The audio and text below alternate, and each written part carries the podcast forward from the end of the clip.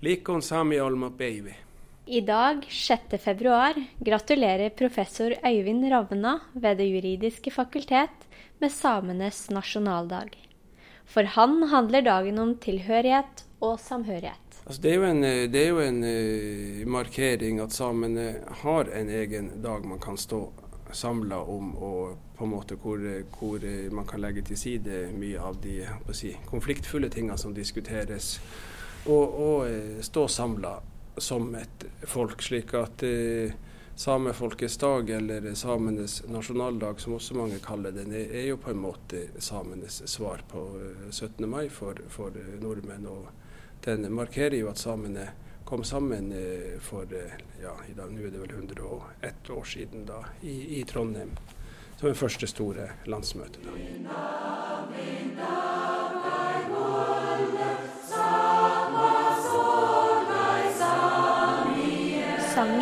opprinnelig et dikt av Isak Saba, men ble på samekonferansen i året i 1986 vedtatt som samisk nasjonalsang.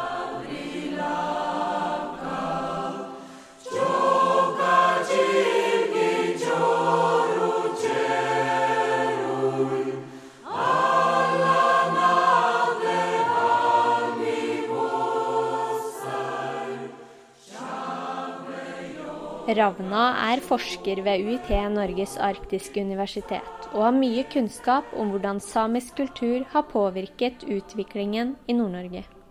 Med foredraget 'Samisk kultur drivkraft eller bremsekloss' ønsker han å skape diskusjon. Hvordan har egentlig samisk kultur påvirket utviklingen i Nord-Norge? Ja, den, den, har jo påvirka utviklinga på flere måter. og samisk kultur har jo ikke bare vært en eh, bremsekloss når det gjelder industriutvikling. Eh, samisk kultur har jo bidratt til at vi har fått i gang eh, rettsavklaringsprosesser som vil kunne lede til større lokal innflytelse på bruk av utmark. Lokal innflytelse bidrar jo igjen til, til næringsutvikling, økonomiskaping, og, og at si, folk som har nærhet til områdene, kan få ut sine inntekter, eh, i motsetning til at dette skal forsvinne i, i, statsapparatet gjennom Statskog eller andre ting som, som eh, på en måte vi er vant til i Nord-Norge. Og så har du jo ikke minst det her med fiskeri og kystfiske. Der har det jo vært en, en lang diskusjon hvor jo samiske organisasjoner har vært pådrivere for å få en eh, mer eh, lokal tilknytning til fisk. Altså at fiskeressursene blir tatt i land eh, i nærområdet av der hvor de skapes, og at verdiene da kommer, kommer landsdelen og lokalområdene til gode, i stedet for at de bare forsvinner, blir produsert på hav, hav, havfisketrålere og, og forsvinner ut i verden. Og eh, så har man jo et punkt til som jo eh, jeg vil si Norge har dratt stor veksel av internasjonalt. Og det gjelder, jo, eh, det gjelder jo internasjonal rettsutvikling. Der har jo nettopp urfolksrett og samiske rettigheter gjort at Norge har blitt, si, fått internasjonal anerkjennelse for det arbeidet man har gjort, bl.a. med å ratifisere ILO-konvensjonen og argumentere for at eh, FNs erklæring om urfolksrettigheter eh, måtte bli vedtatt av FN, noe som skjedde i 2007. Du jobber jo ved Det juridiske fakultet. Hvor viktig er samerett som fag?